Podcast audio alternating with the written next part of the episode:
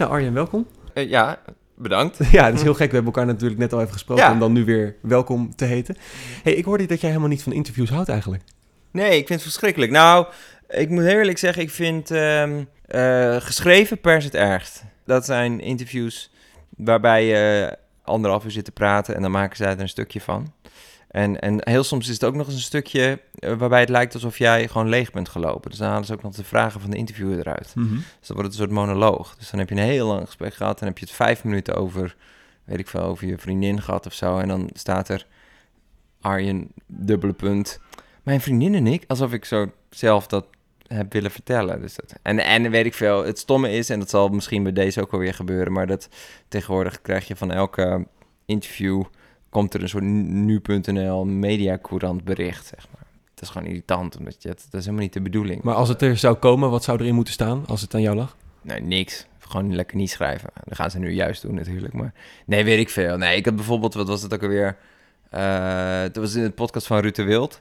Eh, en, en toen had ik zoiets gezegd van... dat ik heel nostalgisch ingesteld ben. Dat ik soms op de dag zelf alweer heimwee heb naar wat we die dag hebben gedaan of zo. Dan was ik met mijn vriendin eh, gaan varen op een bootje. En dan zei ik smiddags, oh weet je nog dat we aan het varen waren? En dat was gewoon dezelfde dag. Nou, dat was mijn punt. Maar toen hadden ze het op de Telegraaf, was toen een bericht verschenen... dat ik heel erg geniet van aardbeien eten met mijn vriendin. Het was allemaal voorkomen uit de context gehaald. En ja, maar dat is het risico. Dat gaat misschien nu weer gebeuren of niet, je weet het niet. Hoe kan ik het zo aangenaam mogelijk maken voor je? Nee, gewoon lekker doen wat je van plan bent. Dat is mijn, mijn probleem. Ik, ben- ik heb ja gezegd, toch? Volledige naam. Arjen Hendrik Lubach heet ik. Leeftijd. 39. Beroep. Eh, clown. Bekend van. Eh, grapjes. Verliefd, verloofd of getrouwd. Verliefd. Ja, de- ik ben altijd heel erg huiverig om mijn privé-situatie te delen. Dus, eh, maar van die drie... De meest gestelde vraag aan Arjen Lubach. Ik doe zoveel verschillende dingen. Wat als ik moest kiezen? Vind ik een vreselijke vraag. Nou, dan zal ik hem je niet stellen. Yes! Ja, normaal begin ik eigenlijk met de vraag... eh, wat was de eerste keer dat je in aanraking kwam en dan met je beroepsgroep? Maar jij doet ja, best wel veel. Ja. Wat was de eerste keer dat je bewust creatief was? Oeh. Ehm, ja, nou ja, ik, ik, het gekke, ik denk dat mensen juist eh, creatief beginnen, zeg maar. Toch? Ik bedoel, de meeste mensen die zijn al creatief als kind. Ja. Elk kind is semi-creatief, dus ik bedoel, iedereen maakt wel eens een eh, tekening of een eh, knutselwerk. Maar die ver- verliezen, som- sommige mensen verliezen hun creativiteit of denken dat, ze dat, dat het iets is wat bij eh, kindertijd hoort of dat ze niet eh, fantasie, eh, genoeg fantasie hebben of zo. Dus, dus mijn eerste aanraking met creativiteit was gewoon als kind. En ik, ik heb het gewoon nooit meer uitgezet. Maar dat he- de, die aanraking die heeft iedereen. Alleen jij Ja. hebt op een gegeven moment besloten, daar wil ik wat mee gaan doen. Want je hebt een buurtkrantje gemaakt ook onder Ja, dat soort dingetjes. Maar dat deed iedereen natuurlijk wel. Ehm, nou, ik had op een gegeven moment maakte ik geloof ik in de brugklas. Er was er een, eh, een nummer dat eh, ken je misschien nog. Ja, je bent wel jonger, maar de, de, ehm, Open Sesame van Leila K. En daar had ik een soort parodie op gemaakt over mijn leraar Latijn. Eh, Die heette eh, Jonge Jan of zo. Ik weet niet. Toen had ik daar een soort versietje van gemaakt. En die, toen merkte ik, want ik dacht, ik, dat doe ik gewoon thuis met, met vier cassettebandjes zeg maar, steeds maar over elkaar heen dubben en zo. En ik, en ik dacht, eh, dit is gewoon voor de lol. Maar toen liet ik het horen op school op een Walkman aan iemand. En die liet het meteen aan iemand anders horen. En die zei, mag ik hier een kopietje van? Mag ik hier een kopietje? En toen, dat was mijn, eigenlijk mijn eerste soort mini-viraal, eh, virale hit, zeg maar, in de, in, de, in, de, in de klas. Dus toen dacht ik, oh wauw, dit, is- dit kan... Als je iets, iets grappigs verzint, dan kan het eh, je eigen eh, slaapkamer eh, overstijgen, zeg maar. Nou, en dat heb je ook veel gedaan in de jaren daarna. Laten we even luisteren naar wat je allemaal gedaan hebt. Er is waarschijnlijk niemand in Nederland die nog nooit van Arjen Lubach gehoord heeft. Je kunt hem namelijk kennen van tv, van de radio, van het theater, van boeken als Bastardsuiker, Magnus, van de prijzen die hij gewonnen heeft, als helft van het DJ-duo The Galaxy en natuurlijk van zijn programma Zondag met Lubach. Arjen Hendrik Lubach wordt op 22 oktober 1979 geboren in Groningen en groeit op in Lutjegast, waar iets meer dan 1100 mensen wonen. Arjens moeder overlijdt als hij 12 jaar is en dat maakt diepe indruk op hem. Hij studeerde Spaans, filosofie en Zweeds en het grote publiek maakte voor het eerst kennis met hem door een parodie op Eminem's Stan. Ik heb een grote poster van jouw hoofd boven mijn bed. En die muziek die je maakte met Venice heb ik ook op bandje. Ik vind het vet. Arjen is een multitalent dat in de jaren die volgen meerdere boeken schrijft in veel Nederlandse theaters op het podium staat, de rapservice van Koefnoem maakt, de slimste mens wint, deel is van het DJ-duo The Galaxy en zijn eigen succesvolle talkshow begint. Zondag met Lubach, waar hij het ene na het andere onderwerp op de agenda zet en zowel de Nipkoff-schijf als de gouden televisiering pakt. Kortom, een van de meest veelzijdige talenten die Nederland op dit moment kent. Zo. Ik hoor het nu ook. Mijn leven flitst aan me voorbij. Bijna doodervaring dit. Ja. Ik kan wel inpakken. Maar hoe luister je hier naar? Nou, ja, ik, het, is, het is mij allemaal redelijk bekend natuurlijk. Ja. Het is ongeveer mijn leven. Ja, weet niet, het is altijd een beetje ongemakkelijk. Weet je, ik zit, ik zit maar alleen maar in dit hoofd. En ik zit, eh, even nog los van eh, dat je een hele podcast kan vullen over wat iemand zelf is en wat bewustzijn is en zo. Maar dit ben ik. Dus ik heb niet, ehm, ik sta niet soms een week lang in iemand anders lichaam naar mezelf te kijken van, god, wat is die gast toch allemaal aan het doen of zo. Dus dat vind ik altijd een ingewikkeld vraag. Want mensen vragen, hoe is het, hoe voorzien je grapjes? Of hoe kijk je naar al die, die veelzijdigheid of zo? Dan denk ik, ja, dat, hoe kijk jij naar jouw leven? Dat is gewoon... Ik heb geen idee hoe het is om maar één ding te doen. Ik heb geen idee hoe het is om... eh, als er nooit iemand om je lacht, weet je wel? Dus het is gewoon een soort status quo. Dit is gewoon wie ik ben. Dus Maar dat was de vraag ook niet. De vraag was, hoe luister je ernaar als iemand dit allemaal opsomt voor je? ja, ge- gewoon, ik, ik neem, het, neem het aan ter kennisgeving. Ben je verlegen? Nou, ja. ehm, je, mm, jeetje, dat is een goede vraag. Ik was altijd wel verlegen en ik kan op sommige momenten enorm verlegen zijn. Maar eh, dat is een heel gekke eigenschap natuurlijk voor iemand die straks hier eh, een paar deuren verder het podium opstapt en eh, een aantal honderd mensen gaat staan vermaken. Dus mensen denken altijd, hoe kan je nou tegelijkertijd zo introvert zijn en zo extrovert? Maar dat kan juist heel goed. Dat is altijd mijn, dat is mijn redding, zeg maar. Ik vind het ik vind het bijvoorbeeld in een zaal zitten vind ik enger dan op een podium staan, gek genoeg. Dus als ik in een zaal zit tussen allemaal mensen, dan denk ik, oh, wat doe ik hier? Ik zit allemaal tussen mensen. Maar als ik op het podium sta, dan, dan heb ik zelf controle over de avond. Toen je klein was, toen je een, een, een kleine Arjen was, wat wilde je worden? Oh, ik heb van alles gewild. Ik wilde, ehm, ik geloof op een gegeven moment wilde ik advocaat worden. Eh, maar dat is mijn broer al geworden, dus dat hoef ik niet meer te doen. En ehm, ik wilde, ehm, ik nou meer doen? Oh ja, ik, ik- uiteindelijk ben ik Spaans gaan studeren, omdat ik internationale betrekkingen wilde, eh, wilde studeren. En had je een letterenpropeduizen voor nodig, dus dacht ik, ga maar een taal doen. Maar eh, ik had helemaal niks met Spaans. Dus toen, ehm, toen ben ik daar weer mee gestopt. Maar dus da- dacht, dacht ik, word ik diplomaat, ga ik in het, eh, word ik ambassadeur, ga ik in het diplomatenklasje. Dan ga ik er ergens anders wonen op de wereld. Dat was echt een reële optie. Toen ik echt mijn VWO klaar was, dacht ik, dat is mijn route. Maar dat Ja. werd het niet. Nee. Nee, ook omdat ik... Ik vond het studeren als zodanig helemaal niet interessant. Ik vond... Ik, op een gegeven moment studeerde ik filosofie... en toen vond ik een deel van de boeken interessant. Die las ik dan ook. Maar ook de hoofdstukken die ik nog helemaal niet hoefde te lezen, zeg maar. Omdat ik interessant dacht ik opeens, waarom moet ik nou volgens een heel bepaald programma... de komende vier jaar al die kennis tot me nemen? Terwijl A, die kennis staat ook gewoon in de bibliotheek... Ja. En, en B, is, is eh, de andere helft vind ik niet boeiend. Dus het is een soort. eh, dus ik dacht, ja, dit, dit is toch niet eh, mijn manier van eh, zelfontwikkeling of van ontwikkeling als zodanig. En hoe ging dat dan op school? Want als jij tegen het systeem eigenlijk in opstand kwam, als ik het zo hoor. Ik had altijd een haat-liefde verhouding, verhouding met school. Omdat de school was natuurlijk is wel je isotoop. Dus het is wel ook waar je, je verliefd wordt en waar je vrienden zijn. En ook waar je dingen leert kennen en, eh, muziek. En, eh, dus het is ook wel de plek waar ik graag kwam om, om, om mezelf ja, in het leven te, te zetten of zo. Maar, maar die, de leraren hadden geloof ik, los van dat ze mij wel een interessant, grappig mannetje vonden. Omdat ik dus allemaal gekke creatieve dingetjes deed. Maar hadden ze volgens mij niet een heel hoge pet op van mijn eh, schoolprestaties. ik bedoel, ik deed ook nooit wat. Ik maakte nooit huiswerk. Ik kan me niet herinneren dat ik ooit mijn schooltas heb uitgepakt. Middags. Ik heb gewoon altijd de volgende ochtend nam ik gewoon diezelfde tas weer mee. En dan hoopte ik dat de goede boeken erin zaten. Het is gewoon een soort, ja, rare trip geweest. En op een gegeven moment was het klaar. Dus eigenlijk is het een wonder dat je je school gehaald hebt. Ja, ja. Ja, dat is een wonder. Ik had het ook altijd, altijd hak op de sloot. Maar mijn vader maakte zich ook altijd zorgen. Die zei ook altijd, oh, maar je gaat nu blijven zitten. Ik zei, nee, dit is gewoon gepland. Dit is gewoon een minimale inzet voor het maximaal bereik. Gewoon mijn VWO halen en zonder, zonder iets echt te hoeven doen. En dat is gewoon gelukt. Maar ik snap wel dat mijn vader daar eh, geen vertrouwen in had. Dat klinkt niet als een heel heilzaam plan. Als je zegt, dit is mijn strategie, dan snap ik dat je als ouder denkt, wat gaat hij doen? Maar is die houding veranderd? Want voor wat ik gelezen heb en gehoord over je, ben je een perfectionist die hard gaat voor wat hij wil. Ja, Maar nee, dat zeg je goed, voor wat ik wil. Dus nee, ja, die houding is niet veranderd. Die, die dingen zouden me nog steeds niks kunnen schelen. En daarom, ik heb dit, wat ik altijd zeg, eh, dit leen ik altijd van, van Claudia de Brij. Die, zegt, die zei een keer tegen me van, ik, ik werk zo hard omdat ik zo lui ben.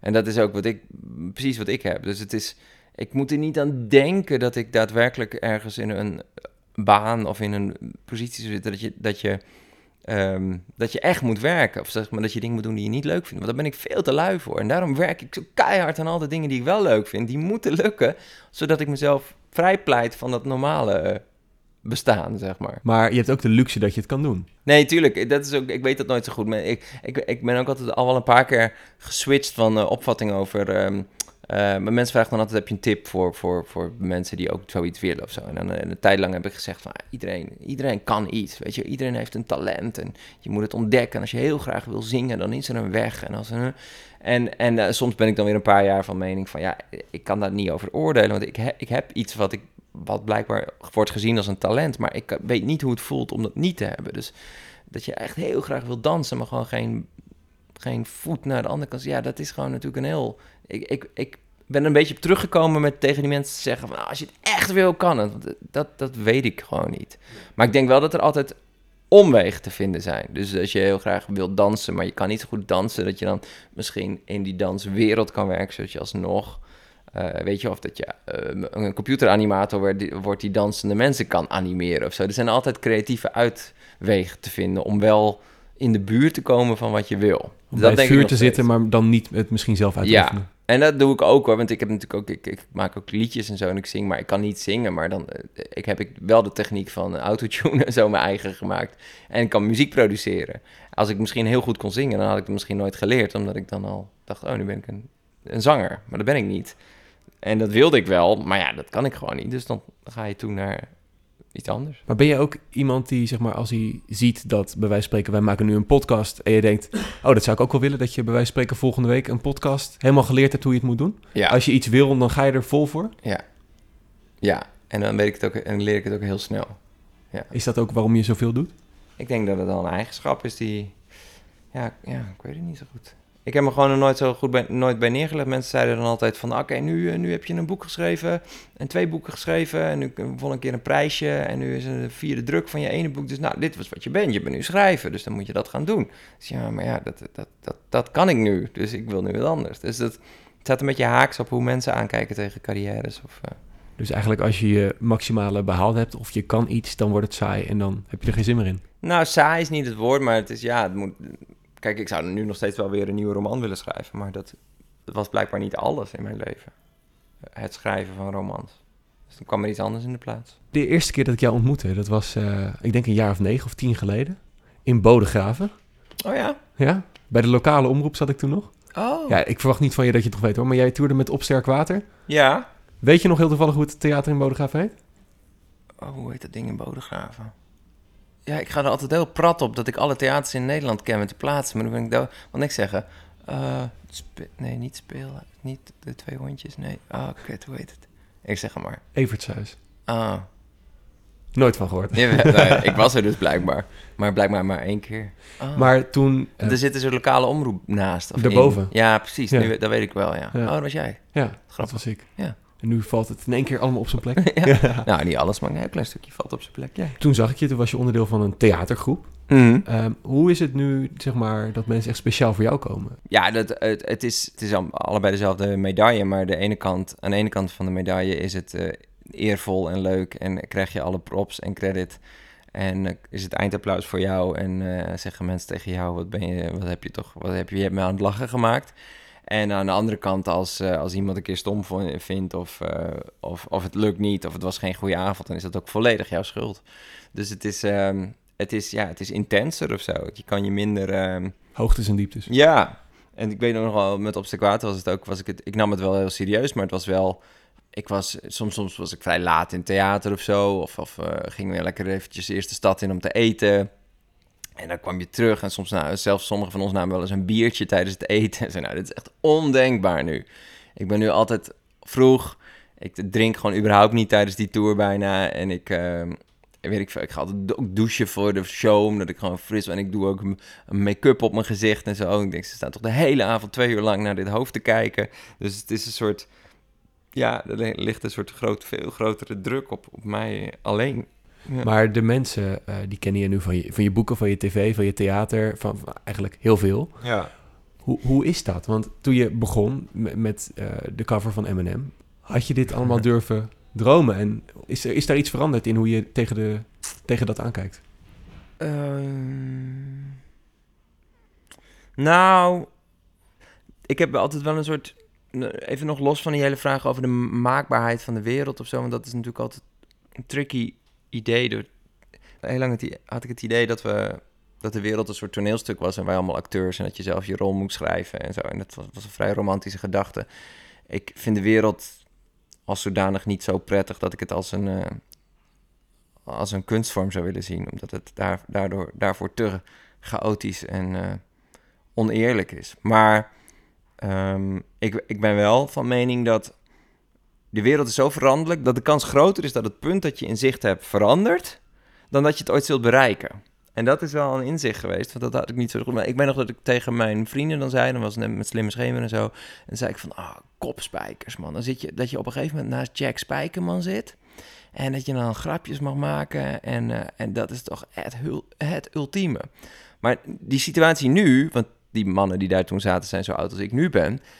is dat Jack Spijkerman niet meer op televisie is. Dat de meeste van die mannen niet meer op televisie zijn. Dat het programma niet meer bestaat. En dat er een ander televisieprogramma is dat mijn naam draagt. Dus dat is, het is niet dat stipje aan die horizon van je zit straks bij kopspijkers eh, aan tafel. Dat is het niet geworden, maar het is een, de wereld is veranderd. En dat heb ik mede zelf gedaan. Dus dat is wel het inzicht dat ik heb gekregen. Dus, dus nu zijn er misschien mensen die, die luisteren, die denken... Weet ik veel, als ik straks eh, zo oud ben als Arjen... Wil ik, wil ik ook een eigen satirische late-night programma op televisie. Maar de kans is groot dat televisie niet meer bestaat. Of ze denken, ik wil net zoiets als de D&D-vlogger of zo. Maar de kans is dat als zij inmiddels op dat punt zijn aangekomen... dat het vlogs als zodanig heel anders zijn of zo. Dus je, die wereld verandert met je mee. En dat was wel een, eh, een inzicht. Ik dacht, het is een soort statisch, statisch geheel...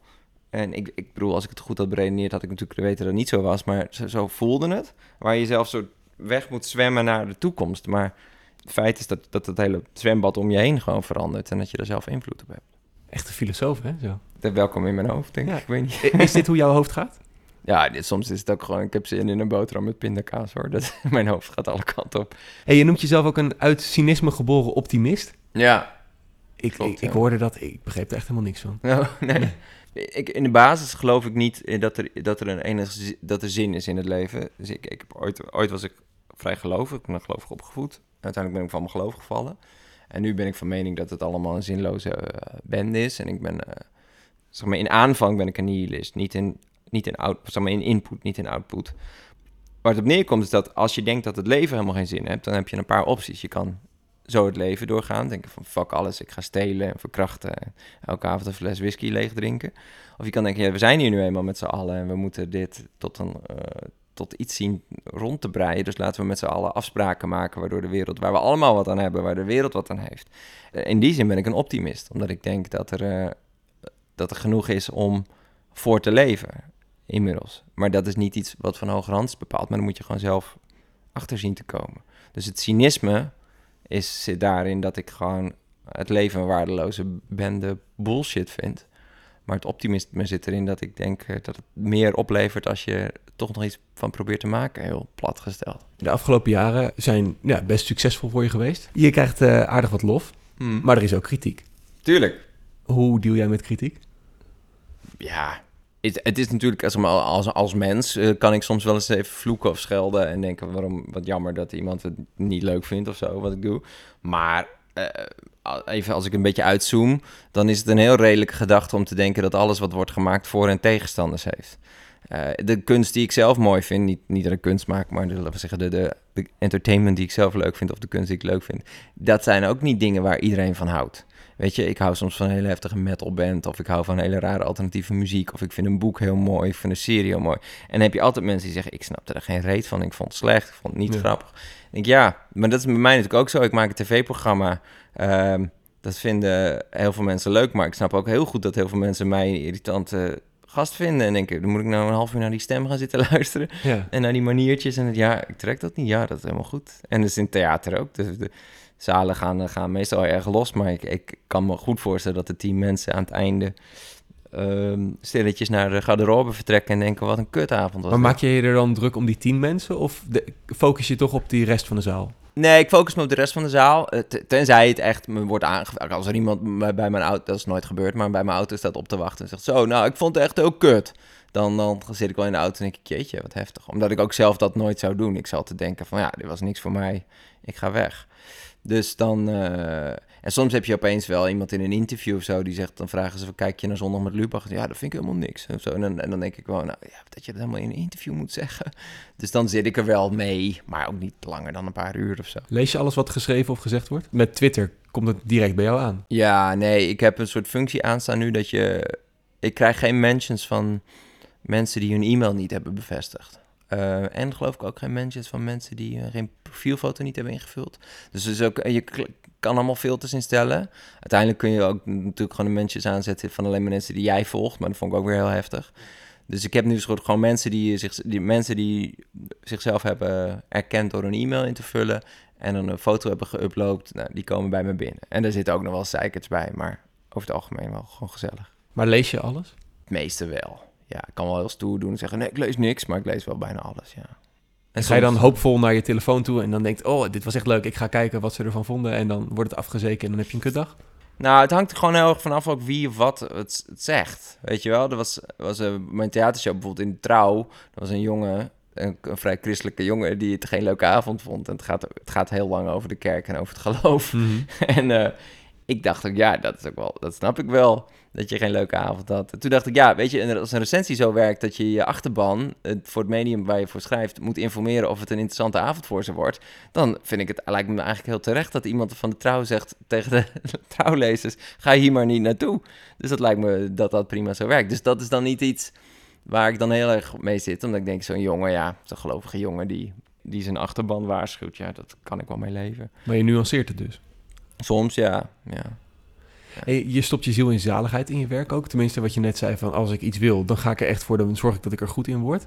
Ja. Maar dat resulteert er ook in dat je misschien je persoon erin stopt. Ja, dat is een hele mooie suggestieve vraag. Maar Hm? ehm, wat, wat ik zelf merk, laat ik zo zeggen, als ik bijvoorbeeld deze podcast maak, daar stop ik mijn ziel en zaligheid in. Daar- Ik wil gewoon dat het goed wordt. En als mensen dan zeggen, ja, ik vind dat niet heel leuk, dan denk ik, ja, ik heb er zoveel tijd in gestopt. Ja, nee, dat is een frustratie. Maar zeker als je ook gewoon...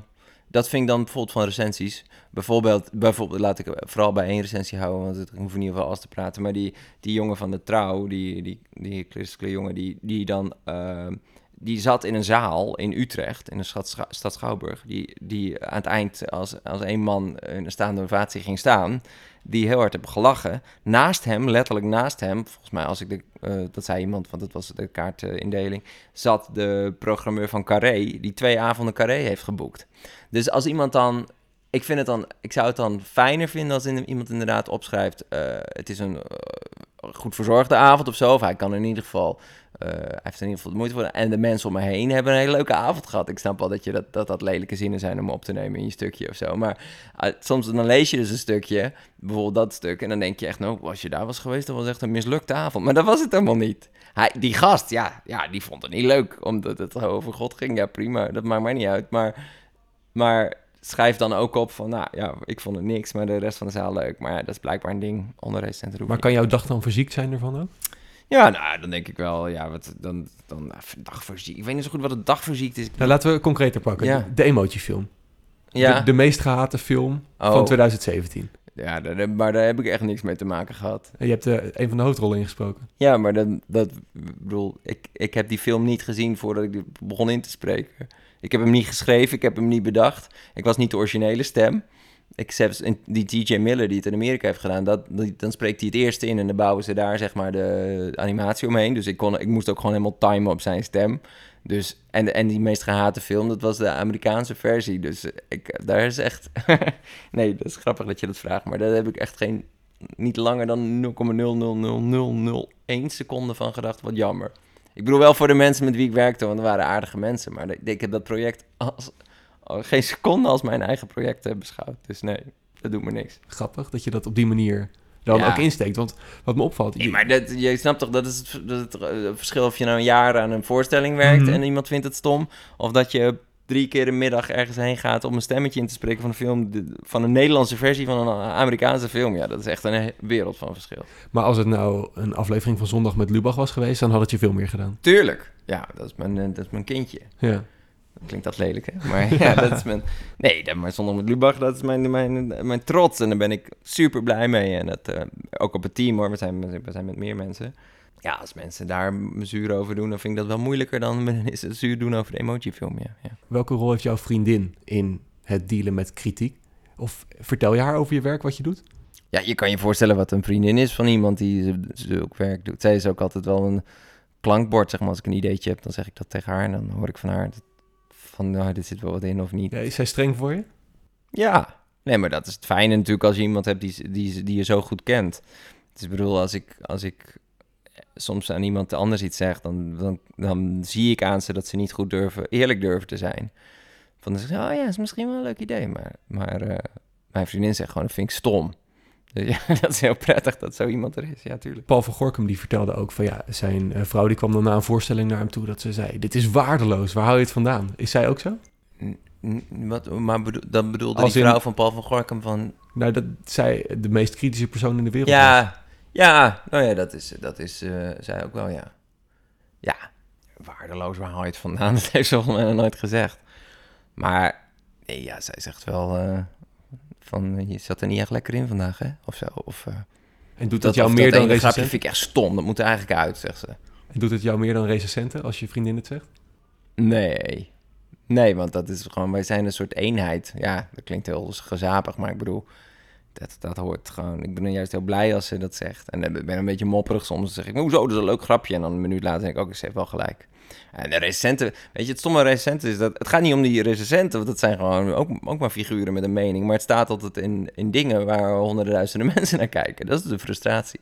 En ook eh, als het opgeslagen blijft, zeg maar. Het is dat jij er zo naar vraagt, maar het is niet Ja. dat mijn leven beheerst wordt door recensies. Nee, maar dat is meer een, een punt van deze podcast ook. Ja. Van hoe dealen mensen die succesvol zijn Ja. met kritiek. Oh ja, precies, ja. Begeleid jij ook eh, jonge talenten die zeggen: Yo, ik heb een, eh, een filmpje gemaakt of iets? eh, Nou, ik ben, ik ben iets terughoudender geworden, omdat ik... Ik, ehm, ik heb A, heel weinig tijd. Dus daar ben ik een beetje huiverig voor. Ja, ik, ben, ik vind het ook altijd ingewikkeld hoor. Want ik heb het in het verleden wel gedaan. Dan zeggen mensen van, kan ik met jou koffie drinken? Want ik, heb een, ik wil ook doen wat jij doet. Of zo. En dan ga je koffie drinken. En dan zeggen ze, maar wat, en dan zeg ik, wat wil je? Dan zeg je, ja, ik wil wel een boek schrijven. En dan zeg ik, oké, nou geef het manuscript. Dan kan ik kijken of... het- Nee, ik, heb nog niks, ik heb nog niet af. Oh, maar je wilt toch een boek schrijven? Ja, maar ik dacht, ga eerst even met jou praten hoe je dat aanpakt. Nee, schrijf eerst dat fucking boek. Of het nou goed wordt of niet. Een boek schrijven, dat moet je doen. Dan moet je gewoon elke dag 500 of 1000 woorden schrijven. En na een half jaar is het af. Dus dat... Maar ja, maar hoe weet ik dan of het moet? Ja, dat moet je zelf uitzoeken. Ik kan niet tijdens een kopje koffie aan jou vertellen hoe je een boek moet schrijven. Want dan kan je het niet, blijkbaar. Dus dat, is, dat vind ik heel ingewikkeld. En dat geldt heel veel voor, van die koffiedrinkafspraken. Van, hoe kom ik bij de televisie terecht? Dan zeg ik, ja, wat wil je dan? Heb je al iets gemaakt? Kun je iets laten zien? Nee, ik heb nog niks gemaakt. Weet je, dus dat, daar ben ik een beetje mee gestopt. Bij Zondag met Lubach hebben we wel ook heel veel eh, wat junior schrijvers, zeg maar, die erbij komen. Of mensen die animaties maken, maar die bijvoorbeeld eh, ook wat, wat meer eh, comedykanten er- ervan willen benaderen. Eh, of andersom, weet je wel, mensen die wat de muziek dingen interessant vinden, maar eigenlijk video-editor zijn of zo. Ja, die geef ik allemaal wel tips en vind ik leuk om over te kletsen ook gewoon. Maar dat vind ik dan gewoon, dan deel ik mijn eigen ervaring en dan hoop ik dat, dat, dat ze daar wat van leren. Maar stel dat de jonge Arjen Lubach eh, met jou een koffieafspraak zou willen maken. En die zou jou vragen: Arjen, Flikker op, ga een boek schrijven, gek. dat zou je tegen hem zeggen. Nou ja, ik krijg, ik krijg elke week wel een mailtje van iemand die eh, zegt... ik zit in mijn tweede jaar van dit en dat... en ik wil graag mensen leren spreken uit het vak. Kan ik met jou? En zeg nou, ik, ga, ik heb geen tijd, sorry. Nee. Nee, Maar stel dat die jonge Arjen Lubach met jou gaat zitten. Die, die Mhm. vraagt aan jou: Stel Arjen, dat de oude Arjen Lumbach eh, het over zijn hart heeft eh, weten te verkrijgen... om wel iemand uit te nodigen. En dat Exact. is de jonge Arjen Lubach. Exact. En die vraagt jou: Arjen, hoe kom ik waar jij bent met de kennis van nu? Nou, een belangrijk ding is wel dat, je, dat, dat, dat ik iets eerder naar een soort eigen geluid zou zoeken. Omdat ik heel lang heb ik, eh, ook in muziek, maar ook wel in comedy en ook wel in boeken, vooral soort epigonisme, eh, een soort idee dat je, dat is het oude idee van dat je eerst moet imiteren en dan pas zelf kan creëren. En ik denk dat dat imiteren voor mij wel een lange fase heeft geduurd. Ik heb heel vaak hoorde ik een liedje en dacht ik, vet, is een vet nummer. En dan ging ik helemaal precies die geluiden maken, en precies die, die kick maken en precies die compressie nabouwen en zo. En dan dacht ik, oh nu is het af en dan stuur ik het op. En zeiden ze, ja, maar ja, er is al een eh, Animals van Martin Garrix, weet je wel, ik zeg maar wat. Dus als je iets wil maken, dan moet ja, je moet gewoon echt, je, je kan echt de allerbeste producer zijn of de allerbeste uh, grappenmaker zijn. Maar als die grappen al gemaakt zijn en die muziek is al gemaakt, dan vindt toch niemand het echt boeiend. Dus je eigen unieke content is gewoon heel belangrijk. Je moet iets doen wat gewoon nog niet werkt, wat nog niet bestaat. En Zondag met Lubach is natuurlijk een soort voorbeeld van, van hoe dat nog nooit in Nederland op die manier was gelukt. Dus dat als het dan een keer lukt, dan is dat een heel fijne ontwikkeling. Maar hoe groot is de kans dat zoiets lukt? Ja, dat kan je van tevoren Geen idee. Maar mensen zeggen altijd, je moet jezelf zijn. Uh, doe iets unieks. Maar dat Ja. is ook eng. Nee, het is vreselijk eng, maar daarom doet niemand het ook. En ik ook heel lang niet. Als het gaat om bijvoorbeeld muziek maken en je hebt een geluid gemaakt waarvan je denkt, dit is wel een vet geluid, maar wie doet er in godsnaam een eh, overstuurde saxofoon in de drop van een trapnummer of zo? Dan, en dan denk je, ja, dus ik pak maar weer een synthesizer die Yellowclaw ook gebruikte. Ja, dan, dan schiet het niet op. Dus je moet dat uiteindelijk gewoon blijven doen. En dan op een gegeven moment is het zo vet dat mensen zeggen, wauw, wat is dat opeens voor geluid? En dan, dan werkt het. En als die jonge Arjen Lubach je zou vragen om een pep talk, die zegt, joh, ik ben daar nu mee bezig, ik vind het lastig. Eh, hij heeft wel dat boek geschreven al, Mhm. zeg maar, wat hij, eh, waarvan jij eerst zegt, doe dat allemaal. Maar die, hij zegt, joh, ik, ik vind dat lastig. Hoe, eh, ik heb motivatie nodig. Wat zou je zeggen? vooral dingen afmaken, dat is ook wel een belangrijk ding. Ja, dit is niet echt een pet talk, maar dat is gewoon meer nog een tip extra. Maar dat is wel... Ik heb ook heel lang toen ik een boek schreef gedacht... Dan schreef ik een pagina. En dacht ik, dit is de pagina van mijn nieuwe roman, de eerste pagina. En de volgende ochtend werd je wakker en las je die pagina... En dacht je, goh, dit is, dit is kut, dit is gewoon niet de eerste pagina. Dan gooi je het weer weg. Maar als je gewoon doorschrijft... Dat wordt waarschijnlijk helemaal niet de eerste pagina. Sterker nog, dat gaat waarschijnlijk helemaal het boek niet halen. Maar als je op een gegeven moment 500 pagina's hebt liggen is de kans groter dat er 200 hele gave pagina's tussen zitten. Dan wanneer je elke dag maar weer opnieuw begint en, en het ding weggooit. En dat geldt ook voor muziek en ook voor grapjes. Eh, weet je, als je denkt, ja, dit is helemaal niet een heel leuk grapje. Maar als je nou die hele anekdotes afschrijft, weet je, je wil over een verhaal over dat je op vakantie was. En je begint met een kutgrap. Dan begin je met een kutgrap nu even. Maar als je die hele anekdote af hebt en er zitten drie wel hele goede grappen dan haal je die andere kutgrappen eruit. En dan heb je drie leuke grappen over je vakantie. Maar dan moet je wel dat hele ding voor afmaken. Dus afmaken is gewoon heel belangrijk. En niet te vroeg schrappen. Nee, nou ja, nee. Nee, tenzij je denkt, ik kan nu schrappen, want ik heb iets om mee door te gaan. We hebben een hele tijd gesproken over nou ja, wie je bent, hoe je de wereld ziet. Welke vraag is jou eigenlijk nog nooit gesteld in een interview? wat is dat nou weer voor vraag? Deze vraag? Nou, dit is vast ook wel eens gevraagd. Ik heb zoveel van die vreselijke interviews gehad. Oh, Noem je dit nu een Nee, vreselijk... Ja, nee, ja. Van die, niet Oh, van, ja. van deze. Ik anders had ik gezegd, ik heb zoveel van dit soort vreselijke interviews. Maar wat, wat voor vraag is jou nog nooit gesteld, Eh. maar zou je heel graag willen beantwoorden? Wat wil je heel graag aan de wereld vertellen wat eigenlijk nooit gevraagd wordt? Ja, niks. Het ding is, weet je, als ik alles wat ik kwijt wil aan de wereld, daarom vind ik interviews ook zo stom. Ik maak natuurlijk allemaal dingen. Dat is wat ik doe. Ik gooi de hele dag shit naar buiten. Dus muziek of, of grapjes of boeken of wat dan ook. Dus dat is allemaal content die. Dat zijn de dingen die ik met de wereld wil delen. En de ruis van een interview impliceert dat je eigenlijk nog allemaal extra materiaal hebt dat je niet in die dingen kwijt kan. Maar dat is niet zo. Dat, ik, ik, ik heb genoeg te vertellen, maar ik vind dat zelf niet boeiend genoeg of zo voor de wereld. Dus als ik het wel boeiend vind, schrijf ik er een column over. Of dan vertel ik het op het podium of maak ik er iets van. Maar eh, ik heb nu niet eh, iets voor je wat ik heel graag kwijt wil. Ah, wat vond wel het Willy Brood frequent, dat wel? Eh Willy die wilde graag gevraagd worden of hij een goede lover was. Oh, nou, succes Willy Brood. Ja, Paul van Gorkum die had ook vrij weinig eigenlijk. eh, Heel goed. Het is een lastige vraag ook namelijk. Ja, ik ben het met grote smurf eens. Hij is de grote smurf? Gargamel. Oh, Gargamel, sorry. Oeps, sorry Paul. Dit interview zo, eh, aan het begin zei je, ik hou helemaal niet van interviews. Was het weer een van de vreselijke interviews? Nee, ik vind het heel gezellig en ik vind jou aardig gozer en eh, ik vind de, de setting leuk en ik vind podcast leuk omdat het een beetje lekker kletsen is. En weet je, het is niet de wereld draait door dat je denkt, oh, het is alweer voorbij. Ik heb wel vier hele domme dingen gezegd of zo. Dus het is, het is helemaal prima. Ik vind het leuk dat ik het heb gedaan en ik ben, eh, ben jou dankbaar voor je vraag. Dit was de derde podcast met mij als gast. Arjen Lubach, zo heet ik. Als je dit nou een interessante podcast vond, geef hem dan 5 sterren in iTunes.